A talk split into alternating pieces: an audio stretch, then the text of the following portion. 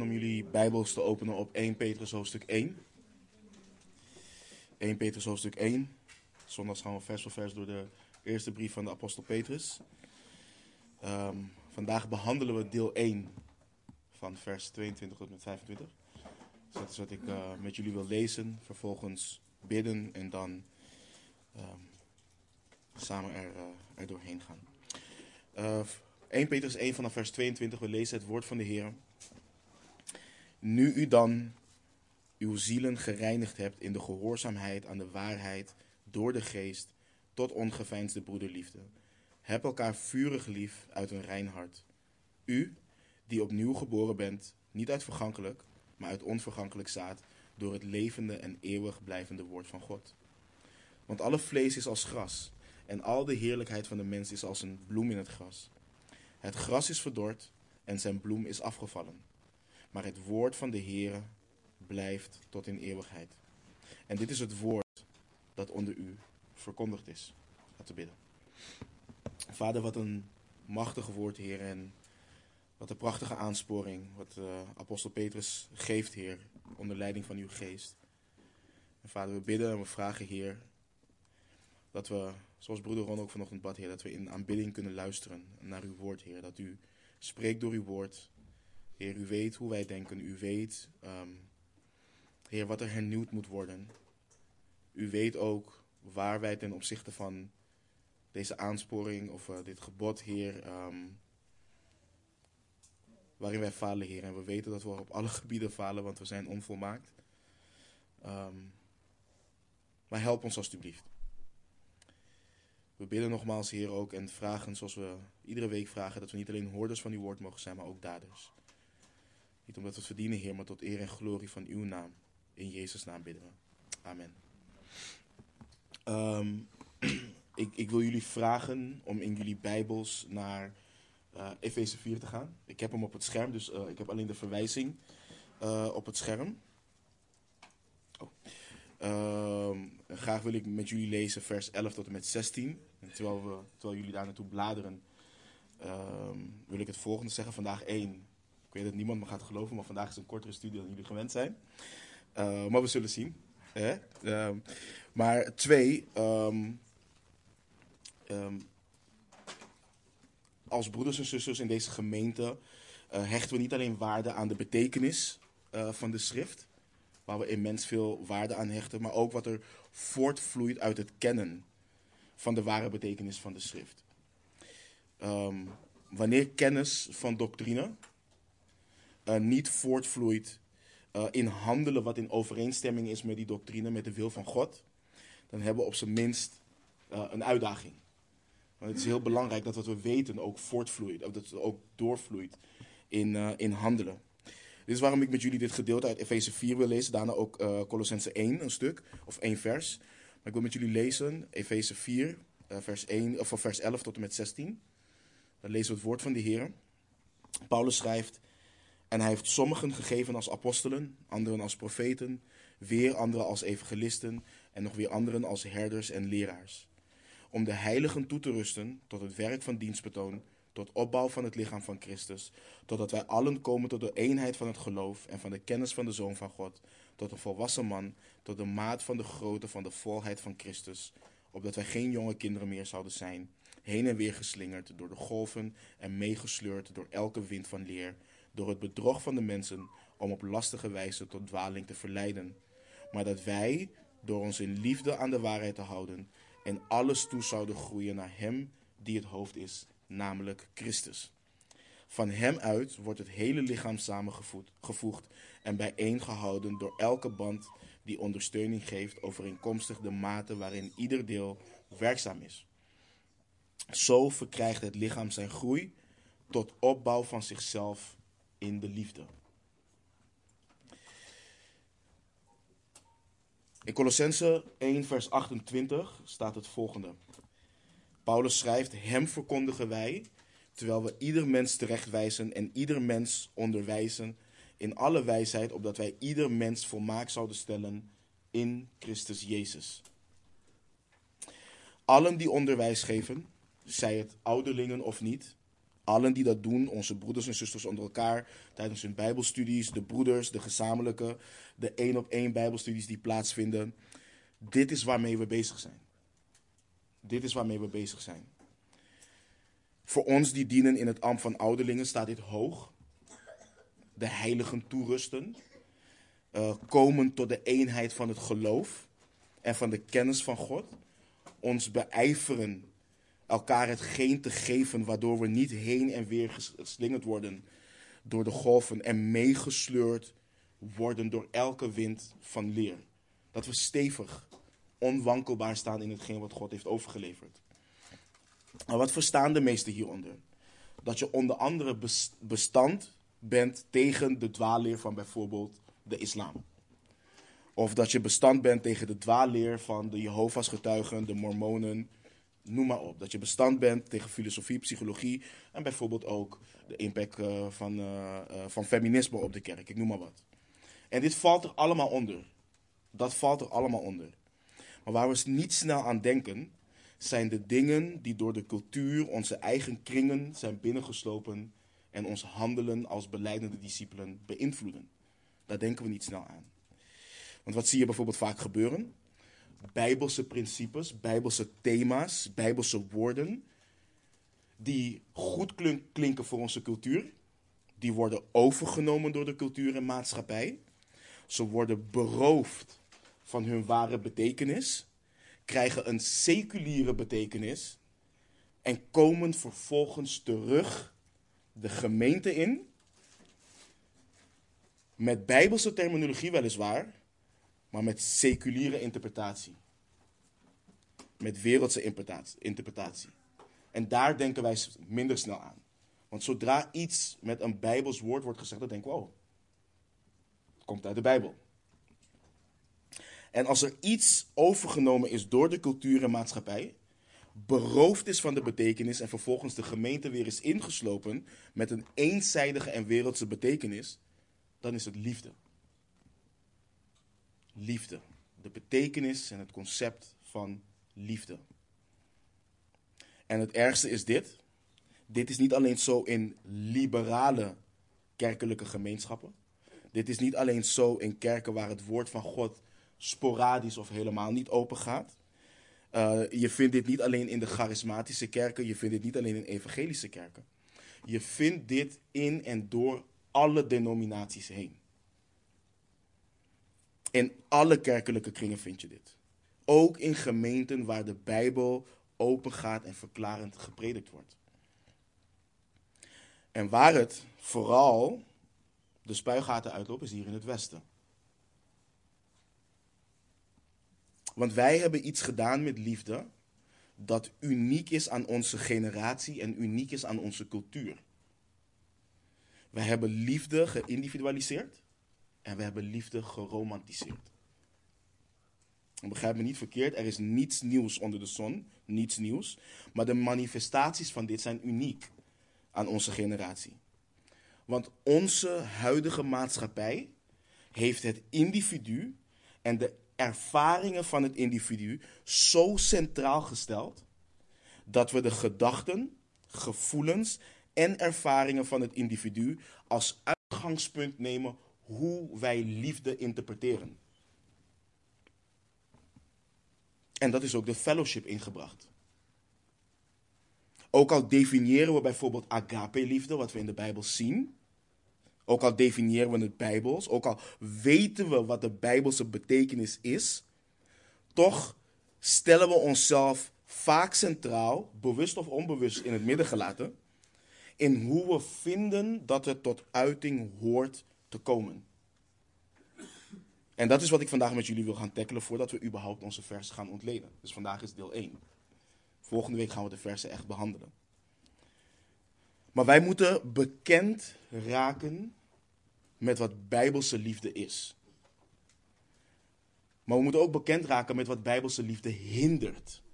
Wat onderlinge liefde hindert. Wat het in de weg staat. Petrus geeft bijvoorbeeld een simpel voorbeeld. In 1 Petrus 2 vers 1. Hij, hij zegt dit, of hij schrijft dit. Leg dan af alle slechtheid, alle bedrog, huichelarij, afgunst en alle kwaadsprekerij. Dit is iets wat onderlinge liefde hindert. Al deze dingen. Maar dat is niet waar we vandaag bij stilstaan, want dit zijn allemaal handelingen. En om, je, en om bijbels je handelen te veranderen, moet je bijbels gaan denken. Je denken moet hernieuwd worden. En het moet hernieuwd worden overeenkomstig de waarheid. En ik blijf het altijd zeggen. We blijven het hier zeggen. Het leven in de geest is geen leven beroofd van ons denken. Het is geen leven beroofd van bijbels je verstand gebruiken. En ik benadruk bijbels je verstand gebruiken. Kennis hebben, wijsheid toepassen. En hetzelfde geldt voor bijbels liefhebben. Er is onderzoek gedaan en besef even het volgende. Het is niet valse leer. Dwaalleer in een gemeente, wat als nummer één reden wordt opgegeven waardoor mensen een gemeente verlaten. Dat, het verbaast me eigenlijk. Maar het is niet dwaalleer. Want hoe vaak zie je niet dat mensen, ondanks dat ze weten en gewezen zijn op het feit dat hun gemeente qua doctrine niet zuiver is, ze toch blijven. Ze blijven toch vaak. En het is geen verwijt, maar we zien het vaak. Men blijft vaak om wat? Om de mensen. Om de mensen in die gemeente. Het zijn lieve broeders en zusters. Aangename broeders en zusters. Aardige broeders. Dit is wat je veel hoort. Dus ja, ik weet dat het niet helemaal zuiver is, maar blijf om de mensen. De liefde is oprecht, hoor je. Maar wat is de nummer één reden dat mensen wel weggaan? Nou, uit onderzoek volgens mensen, uit onderzoek, liefde. Of eerder een gebrek aan of niet de juiste vorm van liefde. Onze voorkeur en interpretatie van wat liefde is en hoe dat tot uiting hoort te komen. Dit hoor je vaak. Ja, er waren ook dingen die ik, die ik niet helemaal goed deed. Maar hun aanpak, het was niet liefdevol. Ze hadden me de ruimte en tijd kunnen geven om er zelf achter te komen wat ik verkeerd deed. Om zelf te bidden, om zelf te mediteren, om vragen te stellen, om God mij te laten confronteren. Want Jezus had ook met Judas. Hij heeft ook zijn voeten gewassen, ondanks dat hij wist dat Judas hem zou verraden. Als je deze gedachtegang hoort, dan zie je waar het fout gaat. Deze gedachte is funest voor onze heiliging. Het breekt fellowship. Het, het maakt gemeentes en families kapot. Want de algemene westerse gedachte, en ik heb het nu ook over de kerk, in het Westen is dat liefde betekent aardig zijn, geen slapende honden wakker maken, doen alsof problemen onderling niet bestaan, dat ze vanzelf weggaan en dus confrontatie uit de weg gaan. Dat is wat onze westerse interpretatie van liefde is. Ook in gemeenten waar bijbels en verklarend gepredikt wordt. En wat het grote probleem is, is dat het woord confrontatie al een negatieve lading voor, voor veel mensen meebrengt. Confrontatie staat voor de gemiddelde Nederlander gelijk aan conflict. En nu weten jullie, ehm, dit is geen Nederlands les, het is geen klas in Nederlands. Ehm, maar het is wel belangrijk om het volgende te tackelen. Want hoewel confrontatie en, en, en, en conflict gerelateerde begrippen zijn, het zijn geen synoniemen van elkaar. Let op het verschil tussen confrontatie en conflict. Ik citeer.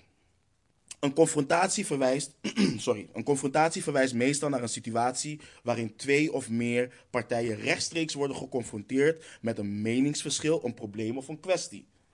Het impliceert niet noodzakelijkerwijs vijandigheid, hoewel het kan leiden tot een conflict als de betrokkenen hun standpunt of hun belangen niet kunnen overeenstemmen. Einde citaat. Dat is een confrontatie. Nu kijken we naar conflict. Conflict daarentegen verwijst naar een bredere term en kan variëren in intensiteit. Het gaat om een situatie waarin partijen met tegenstrijdige belangen, waarden, doelen of behoeften zich in een staat van strijd bevinden. Conflicten kunnen variëren van lichte meningsverschillen tot ernstige vijandigheid en openlijke strijd. En wat wij heel veel doen in de kerk, is wij benaderen confrontatie als conflict. En hebben liefde daarom gereduceerd tot aardig zijn, doen alsof problemen niet bestaan, dat ze vanzelf weggaan en dus gaan we het uit de weg. Nou, wat is het probleem met deze, met deze interpretatie van liefde? Dergelijke liefde negeert de realiteit en gevolgen van zonde. Het negeert de realiteit van kwaad en lijden. En zulke vorm van liefde is ook niet oprecht bezorgd om het welzijn van, ander, van een ander, maar heeft primair het eigen gemak en comfort voor ogen. En deze vorm van liefde gaat volledig in tegen wat de Bijbel leert. Volledig. En niet alleen wat de betekenis daarvan is, maar ook hoe liefde handelt. Wil een paar versen met jullie lezen. 1 Johannes 4, vers 7 tot en met 11. We hadden naar het Griekse woord kunnen gaan, hè, naar agape-liefde en noem maar op. Maar door simpelweg naar een aantal versen te, uh, te, te kijken, zie je hoe iedere keer de definitie terug te zien is en wat er geschreven wordt over liefde. Johannes schrijft onder leiding van de Heilige Geest. Hij schrijft: Geliefden, laten wij elkaar lief hebben. Want de liefde is uit God. En ieder die lief heeft, is uit God geboren en kent God. Wie niet lief heeft, kent God niet, want God is liefde. Hierin is de liefde van God aan ons geopenbaard, dat God zijn enige geboren zoon in de wereld gezonden heeft, opdat wij zouden leven door hem. Hierin is de liefde, niet dat wij God lief gehad hebben, maar dat hij ons heeft lief gehad en zijn zoon zond als verzoening voor onze zonden. Geliefden, als God ons zo lief had, moeten ook wij elkaar lief hebben. Wanneer iemand je op basis van deze tekst de vraag stelt: kun je liefde voor mij definiëren? Dan springt het volgende eruit en mag het niet ontbreken in jouw definitie. Dus we gaan kijken naar, oké, wat is bijbels liefhebben? Wat je vooral ziet, liefde handelt. Liefde handelt. Liefde gaat problemen niet uit de weg. Liefde handelt. Bijbelse liefde is niet plat te slaan in, passieve, in een passieve definitie. Het handelt. Om een voorbeeld te geven, let op wat er staat in 1 Korinthe 13, vers 4 tot en met 7. De liefde is geduldig. Zij is vriendelijk. De liefde is niet jaloers. De liefde pronkt niet. Zij doet niet gewichtig. Zij handelt niet ongepast. Zij zoekt niet haar eigen belang. Zij wordt niet verbitterd. Zij denkt geen kwaad. Zij verblijdt zich niet over de ongerechtigheid, maar verheugt zich over de waarheid. Zij bedekt alle dingen. Zij gelooft alle dingen. Zij hoopt alle dingen. Zij verdraagt alle dingen. Het handelt. Let op Romeinen 5, vers 8. God echter bevestigt zijn liefde voor ons daarin dat Christus voor ons gestorven is toen wij nog zondaars waren. Dus liefde, als we, in een, als we in een klaslokaal zaten, had ik jullie gevraagd. Hè, er was een interactie op gang komen, maar dat doen we hier niet. Maar kijkend naar al deze versen. Wat, volgt, wat, wat valt nog meer op? Niet alleen handelt de liefde de liefde handelt altijd in het belang van de ontvanger. Het handelt altijd in het belang van de ontvanger. Het zoekt het hoogste goed van de ander. Het is ten goede van de ontvanger. Maar er is nog, nog iets wat opvalt. We zijn niet klaar. Niet alleen handelt de liefde en handelt het in het belang van de ontvanger. Het kost de gever iets om die liefde te geven. Het kost de gever iets om die liefde te geven aan een ander. En wat maakt dit van liefde? Het maakt het een offer. En nog beter gedefinieerd, het maakt het zelfopofferend. En dit ligt in het hart van het evangelie waarin wij staan. Wat leert Johannes 3:16 ons? Want zo lief heeft God de wereld gehad dat hij zijn enige geboren zoon gegeven heeft opdat ieder die in hem gelooft niet verloren gaat, maar eeuwig leven heeft. Dus wat hoor je veel? God is liefde. En je hoort het altijd in de context en definitie van: nee, maar laat elkaar gewoon met rust en bemoei niet met elkaar. Laat degene gewoon doen wat hij wilt. Laat hem in zijn waarde. Maar God is liefde, we hebben het in 1 Johannes 4 gelezen, het wordt gedefinieerd in hoe het zich uit. Het is niet passief. En ik had ze graag allemaal op het scherm gehad, maar het past niet. Dus we moeten het even doen met wat, eh, we hebben gelezen. En als je ze terug wilt voor referentie. We hebben gelezen 1 Johannes 4, vers 7 tot en met 11. We hebben gelezen 1 Korinthe 13, vers 4 tot en met 7. Romeinen 5, vers 8. En Johannes 3, vers 16. Maar de vraag die we nu moeten stellen is dit. We weten dat de liefde handelt. We weten dat het handelt in het belang van de ontvanger. We weten dat het de gever iets kost, dat het zelf opofferend is kijkend naar al deze vragen, of naar, naar al deze versen, en de vraag die we dan moeten beantwoorden is: heeft deze liefde een voorwaarde? Kent het een voorwaarde? Wat moet men doen om deze liefde te ontvangen? Heeft men recht op deze liefde? En het antwoord is nee. De liefde wordt vrijuit gegeven. Het wordt vrijuit gegeven. En het wordt door de gever van de liefde geïnitieerd, geïnitieerd om de liefde te geven aan de persoon die het niet verdient. Dat is wat de liefde doet.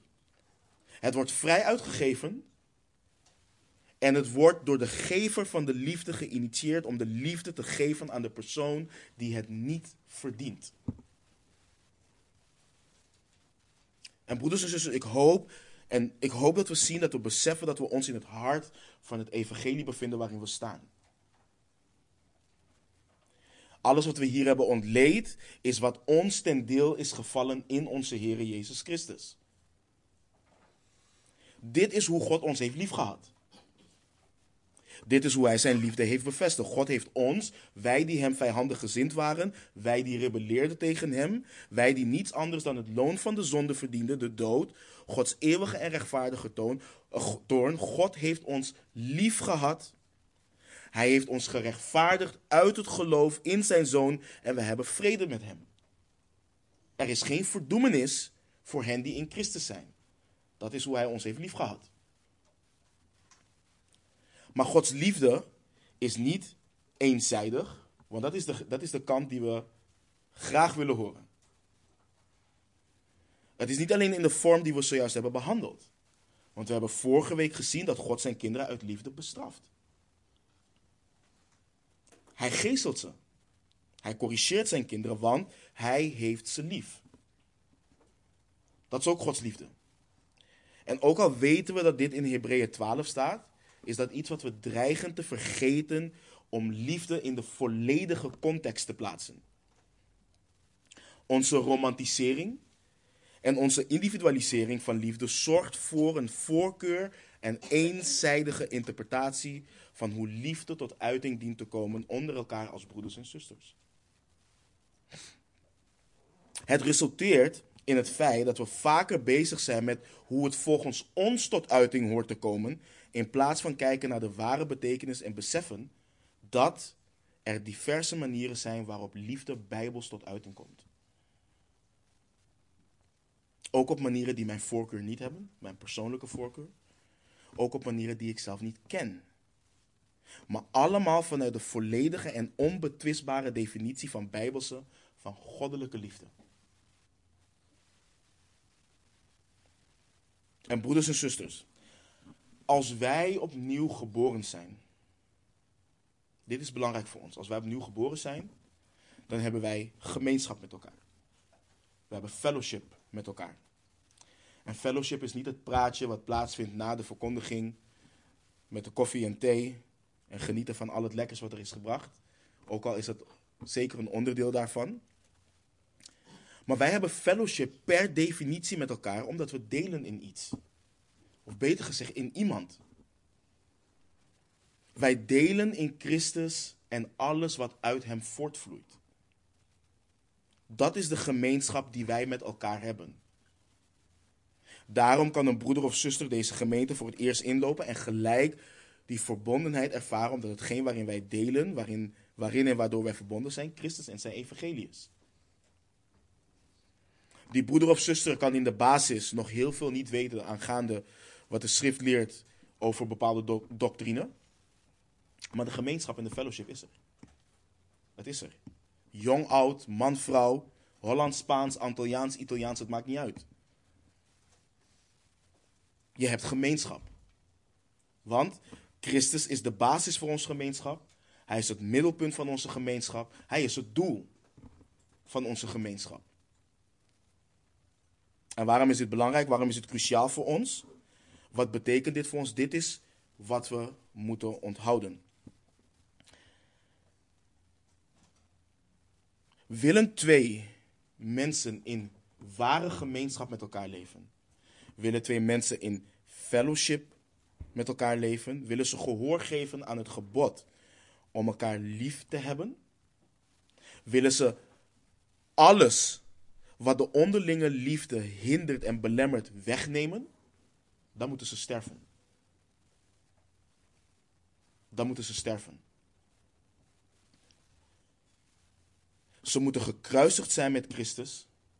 Niet zij moeten leven, maar Christus moet in, in hen leven. Ze moeten dagelijks zichzelf verloochenen, dagelijks hun kruis opnemen en sterven aan hunzelf. Er is namelijk niets of niemand die meer verantwoordelijkheid draagt voor het gebrek aan onderlinge liefde en het breken van gemeenschap dan zelf.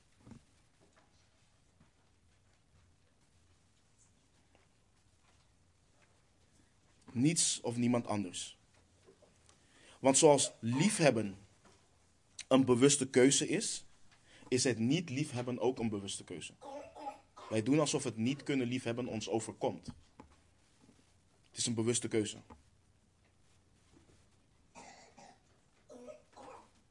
We doen het of we doen het niet. We beijveren ons of we beijveren ons niet. We verlogen onszelf of we verlogen onszelf niet. Dat zijn keuzes. En nogmaals, het zijn keuzes die ons iets kosten. Het kost ons iets. En daarbij moeten we het volgende dus helder voor ogen hebben. Eh, voor ogen hebben. Dit mag nooit van ons wijken. Een christen, een wedergeboren christen, wordt gekenmerkt door liefde. Door liefde. Door goddelijke liefde. Door bijbelse liefde. Een christen wordt niet per definitie gekenmerkt door hoeveel hij of zij de Bijbel leest. Door hoe vaak of hoe lang er gebeden wordt. De christen wordt niet gekenmerkt door het aantal samenkomsten wat de christen bezoekt. En dit is geen oproep om geen van deze dingen te verzaken. Maar dit is het ding. Al die dingen horen een uitwerking te hebben. En dat is één, heiliging. Onze toewijding aan God. En twee, liefde. Liefde voor God en liefde voor de broeders en de zusters. Liefde voor de heiligen. En liefde in de volledige context van de betekenis van liefde. Want dit is ook wat we helder moeten hebben alleen maar harde liefde tonen, omdat een deel van de beleidende kerk soft is geworden, is geen bijbelse liefde. Het is gewoon een reactie op het ene extreme. En alleen maar zachte liefde tonen, wat alles vermijdt en vrijlaat, omdat een ander deel van de kerk hard is geworden, is ook geen bijbelse liefde. Dat is ook weer een reactie op een ander extreem. Ware bijbelse liefde uit zich in het feit dat er een onderscheid en wijsheid is in wanneer het een of het ander nodig is. En waarom? Bijbelse liefde zoekt het hoogste goed van de ander. Als jouw broeder of zuster zondigt en jij zegt ik confronteer hem of haar niet, omdat ik me er ongemakkelijk bij voel, dan zoek je je eigen comfort en niet het hoogste goed van de ander. Dat is wat we moeten beseffen.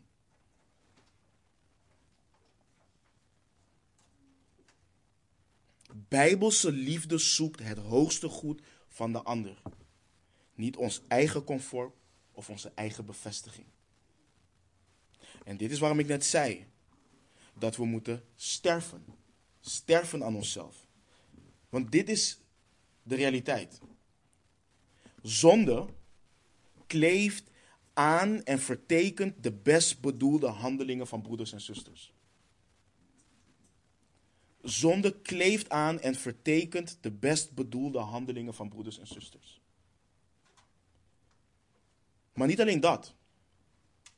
Zonde kleeft ook aan en vertekent ook onze interpretatie van de best bedoelde handelingen van broeders en zusters. Dit houdt niet in dat we door onze gevallen natuur niet in staat zijn om waar te nemen of iets echt goed is of niet. Maar het houdt in dat we, dat we ons vaak niet beseffen hoe gekleurd we zaken kunnen interpreteren, die ervoor zorgen dat we niet lief hebben zoals geboden wordt. Het houdt in dat we vaak niet beseffen hoe egoïstisch en hoogmoedig we handelen.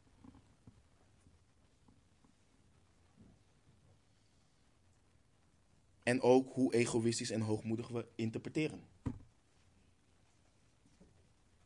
Let op wat Spreuken 16 en Spreuken 21 ons leert. Spreuken 16 vers 2. In, zijn, in eigen ogen zijn al iemands wegen zuiver, maar de Heere toetst de geesten. Deze kennen we. Spreuken 21 vers 2, soort gelijk. Sorry. Ja, Spreuken 21 vers 2. Al zijn wegen zijn iemand uh, recht in zijn eigen ogen, maar de Heere toetst de harten. Ook vooropgesteld, deze versen houden niet in dat we in constante twijfel moeten zijn dat we niet zuiver of recht kunnen wandelen. Dat is niet wat deze versen ons leren. Wie oprecht de weg van de Heer zoekt, die hoeft hier niet over te twijfelen.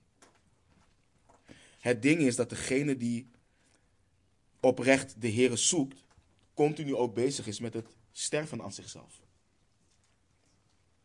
Het kruisigen van de eigen gedachten en de wijsheid van de Heer najaagt om er zeker van te zijn dat zijn wegen recht en zuiver zijn.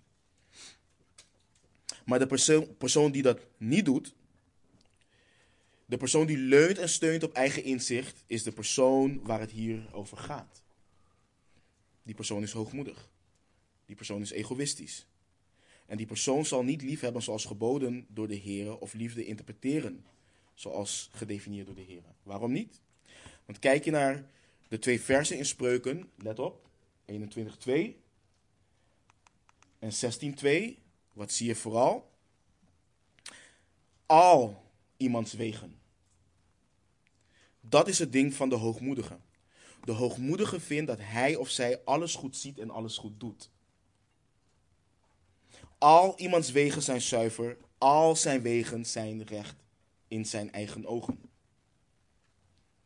En het volgende is waar we in ons denken vooral tegenaan lopen als het gaat om hoogmoed.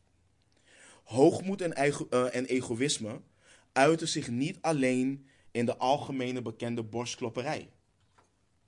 Dat is niet alleen hoe het zich uit.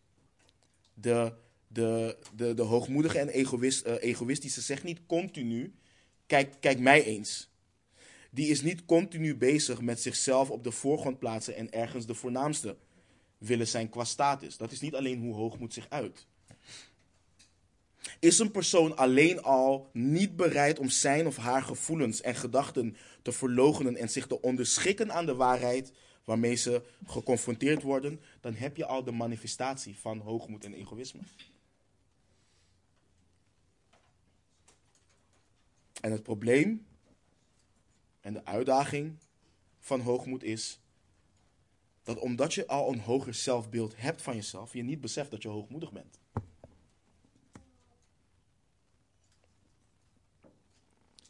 Dus wat staat ons nu te doen? Hoe bewaken wij onszelf hiertegen als individuen, maar ook in onze onderlinge band als broeders en zusters? Alles wat we hier lezen en behandelen kun je toepassen op je huwelijk, kun je toepassen in je opvoeding, kun je overal toepassen. Maar we hebben het nu vooral over onderlinge liefde, broeders en zusters. Hebreeën 13, vers 1 leert ons: laat de broederliefde blijven. Laat de broederliefde blijven. Dus wat moeten we doen? We moeten ons beijveren. Het gaat niet vanzelf. En voordat we ons beijveren in liefdevolle daden, moeten we ons beijveren in ons denken over liefdevolle daden en het doel van de liefde. Waarin men vaak streeft, of waarnaar men vaak streeft als het gaat over onderlinge liefde in een gemeente, en dat is ook weer die eenzijdige gedachte, is dat door elkaar bijbels lief te hebben, door daarna te streven, door ons daarvoor in te zetten, is de gedachte ergens ontstaan in kerken dat we nooit tegenover elkaar zullen komen te staan. Dat dat getuigt van ware liefde. Dat er nooit een conflict zal zijn onderling. Dus de gedachte is daar waar liefde is, daar zal geen confrontatie zijn. Dus we doen er alles aan om ervoor te zorgen dat we alleen blije gedachten hebben met elkaar. Leuke dingen doen met elkaar. Dat we elkaar zeggen dat we voor elkaar bidden en voor elkaar meeleven. Dat we oproepen om de Here te zoeken in een kwestie waarvan de schrift overduidelijk is wat je wel of wat je niet moet doen. Want het klinkt allemaal geestelijk. Je ziet dat een broeder of zuster zondigt en je zegt, weet je, misschien moet je de Here daarin zoeken. De schrift is duidelijk. Je moet je bekeren. Maar we doen alles om die frictie te voorkomen en een persoon in zijn of haar waarde te laten. Maar dit is wat we vergeten. De liefde wat God ons heeft, uh, heeft getoond, wat we net hebben behandeld, is verzoenende liefde. God heeft ons verzoenende liefde getoond. Het is geen liefde opdat we niet met Hem in conflict zouden komen. Het is liefde wat juist een einde aan ons vijandschap met Hem heeft gebracht een einde aan het conflict, om het zo maar even te zeggen. Dus goddelijke liefde, liefde overeenkomstig Gods woord, is niet alleen liefde wat conflict buiten de deur zou moeten houden. En dat is allemaal waar we naar moeten streven. Het is goed om dat te doen. Preventief zouden we er, voor zover het in onze macht is, alles wat tot conflict zou kunnen leiden, zouden we moeten elimineren. Maar zoals ik al zei, zonde kleeft aan en vertekent de best bedoelde handelingen van broeders en zusters. En het kleeft dus ook aan onze interpretatie. En hierin is de ware onderlinge broederlijke liefde wat van God komt, bovennatuurlijk. Dat in Christus, hoewel we streven en moeten streven om de band van de liefde en vrede te bewaren, we toch tegenover elkaar kunnen komen te staan. En dan moeten we weten dat de meest vijandige en intense conflicten tot vredevol en liefdevol herstel kunnen worden gebracht. Dat een band tussen twee discipelen in de Heer niet alleen hersteld kan worden, maar volledig nieuw kan worden gemaakt. Dat we niet bij het minste of geringste naar de gemeente om de hoek gaan kijken of thuisblijven omdat we vinden dat alle christenen toch maar hypocrieten zijn met elkaar.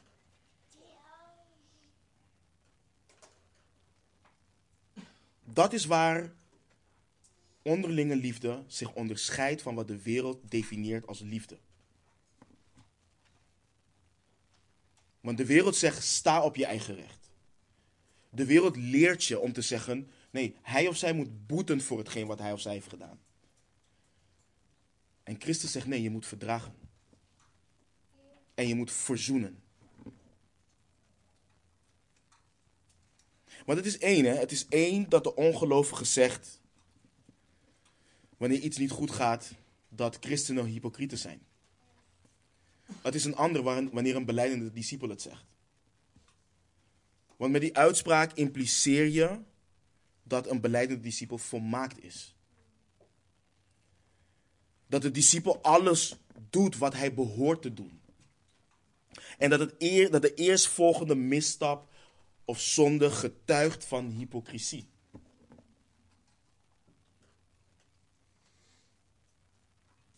Ik wil jullie een voorbeeld geven in hoe liefde beide kanten dient op te werken. In, in, in, een, in een conflict, laten we het even een conflict noemen, dient het beide kanten op te werken. Maar dit is waarin wij als discipelen extreem infalen. En dit is geen veroordeling, dit is ter illustratie om het te kunnen herkennen en ons daar tegen te kunnen beschermen. Galaten 6:1 leert ons als volgt. Broeders, ook als iemand onverhoeds tot enige overtreding komt, moet u die geestelijk bent zo iemand weer terechtbrengen. In een geest van zachtmoedigheid. Houd intussen, intussen uzelf in het oog, opdat ook u niet in verzoeking komt. Dit vers is heel duidelijk. Je moet mensen terechtbrengen in een geest van zachtmoedigheid en je moet jezelf in het oog houden. Wees niet hoogmoedig. Zachtmoedigheid wordt nu door een groot gedeelte van christenen geïnterpreteerd als je moet een strategie, je moet een tactiek hebben in hoe je iemand benadert. En nu komt, psychologie in het christendom. Je krijgt allerlei voorbeelden over hoe de Heer Jezus at en sprak met zondaren terwijl hij wist wat en wie ze waren. Maar dat is niet wat hiermee bedoeld wordt. Dat is niet wat dit vers ons leert. Als eerst, Johannes leert ons in zijn evangelie dat niemand hoefde te getuigen van een mens, want Christus wist wat in de mens was. En dus hoewel we in alles Christus dienen te volgen en zijn voorbeeld horen te volgen, zijn er dingen die wij simpelweg niet kunnen, want wij zijn Christus niet. Wij weten niet wat in de mens is. Maar dit is, het, dit is wat ons vers, dit, dit vers ons leert, ik zei het net al. Ga in nederigheid naar die persoon toe. Niet verdoemend. Niet denkend dat jij niet in die zonde zou kunnen vallen. Niet denken dat jij die zonde nooit zou kunnen doen. Niet neerkijkend op jouw broeder of zuster. Want terwijl je al die dingen doet en je broeder of zuster terechtwijst, heb je niet eens door dat je met die hoogmoedige houding zelf van de zondige bent. Houd intussen uzelf in het oog, opdat ook u niet in verzoeking komt. Dat is wat dit ons leert. Dit vers leert niet gaan met een boog om je broeder of zuster heen. En kijk hoe je met een bepaalde tactiek iets zou kunnen brengen. Dat is niet wat dit ons leert. Wees nederig. In zachtmoedigheid.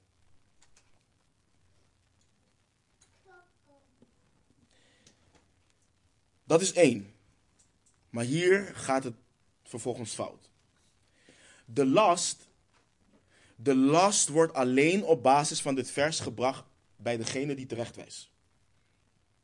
Dit is waar het fout gaat in veel kerken. De benadering, in de benadering van mij, als ik die gezondigd heb, moet die persoon liefdevol zijn.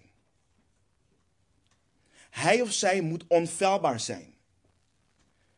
Want als ik me op een verkeerde manier bejegend voel, dan maakt het niet uit hoeveel waarheid er wordt gesproken. De situatie is gewoon niet goed aangepakt en dan luister ik niet meer. Dit is wat er gebeurt in veel kerken. En voor je het weet, sta je buiten en ben je bij de Baptistengemeente om de hoek.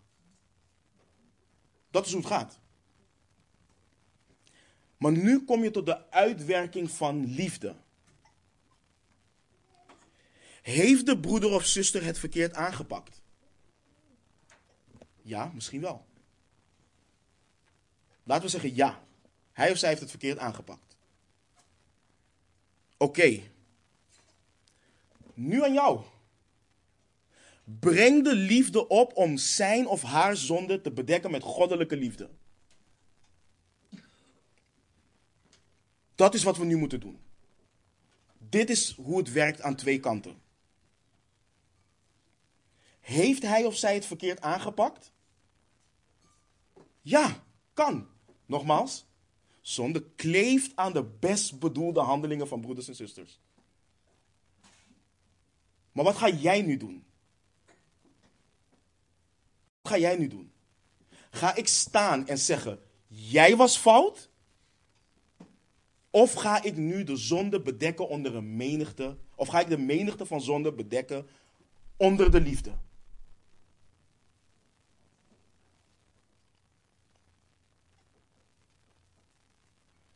Maar nu is andersom ook waar, broeders en zusters. Want het is makkelijk om te zeggen, dit hoor je ook vaak, want dit is ook de andere kant waarin mensen gemeenten verlaten.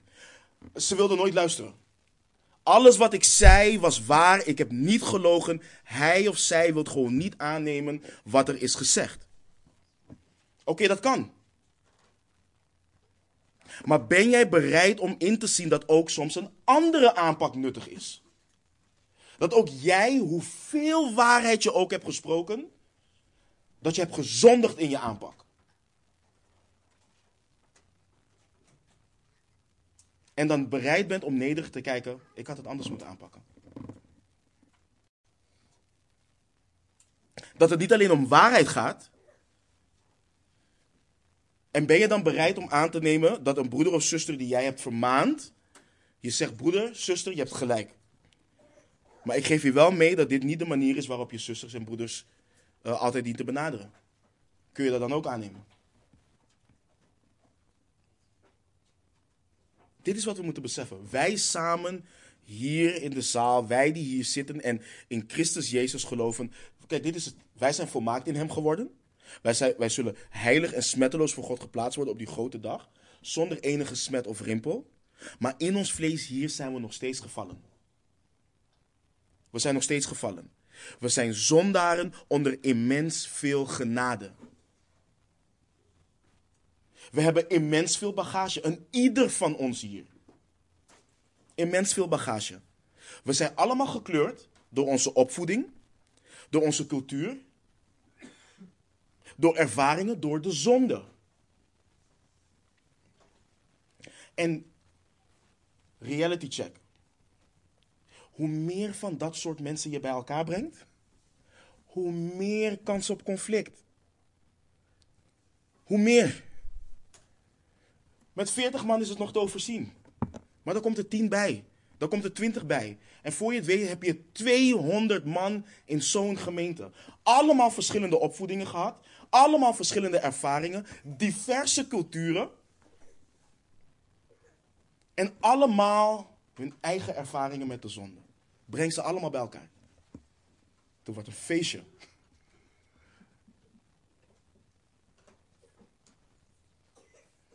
En dit is waarom het belangrijk is om bijbels te kijken naar liefde.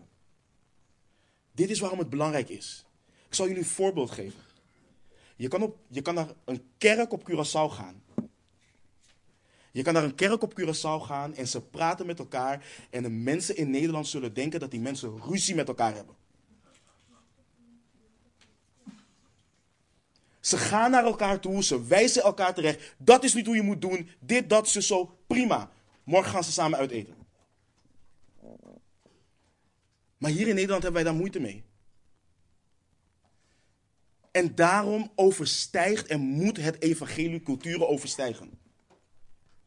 Daarom kan ik niet zeggen, nee maar, ik ben Antilliaan. Nee, jij bent, nee, nee dat moet, het moet weg. We moeten kijken naar wat zegt de Bijbel over liefde.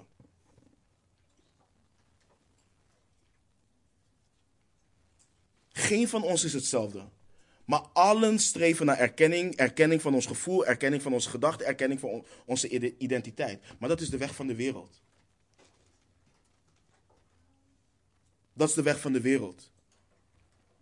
Onze identiteit ligt niet in onszelf, onze identiteit ligt in Christus Jezus. Dus bij ons hoort ons gevoel niet leidend te zijn. Onze gedachten horen niet leidend te zijn. Maar de waarheid overgeleverd door God, dat is wat leidend hoort te zijn. En alleen door onderschikking daaraan kunnen we weten wat het waarlijk betekent om gemeente te zijn en elkaar als broeders en zusters lief te hebben. Ongeveinsd lief te hebben. Het startpunt van onze reis is, is dat we moeten beseffen wat het betekent om gemeente te zijn. En we moeten dan erkennen dat de realiteit is dat we afhankelijk zijn van Gods genade. Wij allemaal. En die erkenning leidt vervolgens tot twee concrete acties. Het, het eerste is berouw en bekering. Waarom? We dienen in berouw onze zonde te beleiden en ons te bekeren van de gedachte dat alle andere mensen het probleem zijn.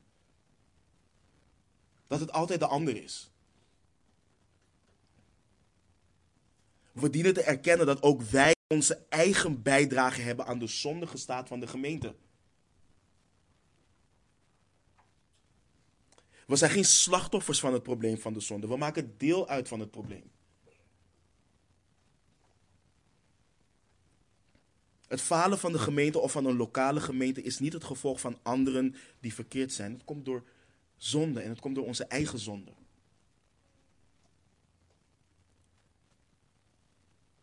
En vervolgens dienen we dankbaar te zijn en ons te beijveren. Want dankzegging komt voort uit de erkenning dat ondanks onze gebrokenheid God op bovennatuurlijke wijze aan het werk is in zijn kinderen. Niet alleen in het verleden wat betreft onze zaligmaking, maar ook wat hij hier en nu vandaag doet. God heeft niet alleen in het verleden ons getransformeerd, maar is iedere dag bezig met het hernieuwen van en vormen van zijn kinderen naar het evenbeeld van Christus. Iedere dag. En hij heeft ons begenadigd en hij heeft ons bekrachtigd. Want in het woord zien we niet alleen het gebod, de plicht om elkaar lief te hebben. We zien ook dat hij ons daartoe heeft toegerust. Hij heeft ons zijn geest gegeven. En de liefde van God is in onze harten uitgestort door de Heilige Geest. En daarom moeten we ons beijveren, broeders en zusters. Beijveren als gemeente, strijden als gemeente om vast te staan en te wandelen in de waarheid over wat het betekent om elkaar lief te hebben als broeders en zusters. Om elkaar ongeveinsd. Dat woord gaan we volgende week definiëren. Om elkaar ongeveinsd lief te hebben. Om niet alleen te waken en strijden tegen al hetgeen wat extern is en ons kan belemmeren in de onderlinge liefde. Maar vooral wat in ons leeft. Om dat te kruisigen. Tegen een gemeente wat bekend stond om in onderlinge liefde schreef de apostel Paulus aan de Thessalonicensen in 1 Thessalonicensen 4 vers 9 en 10. Wat nu de broederliefde betreft, hebt u het niet nodig dat ik u schrijf, want u bent zelf door God onderwezen om elkaar lief te hebben. Want u doet dat ook ten opzichte van alle broeders die in heel Macedonië zijn. Wij roepen u echter toe op, broeders, dat nog veel meer te doen.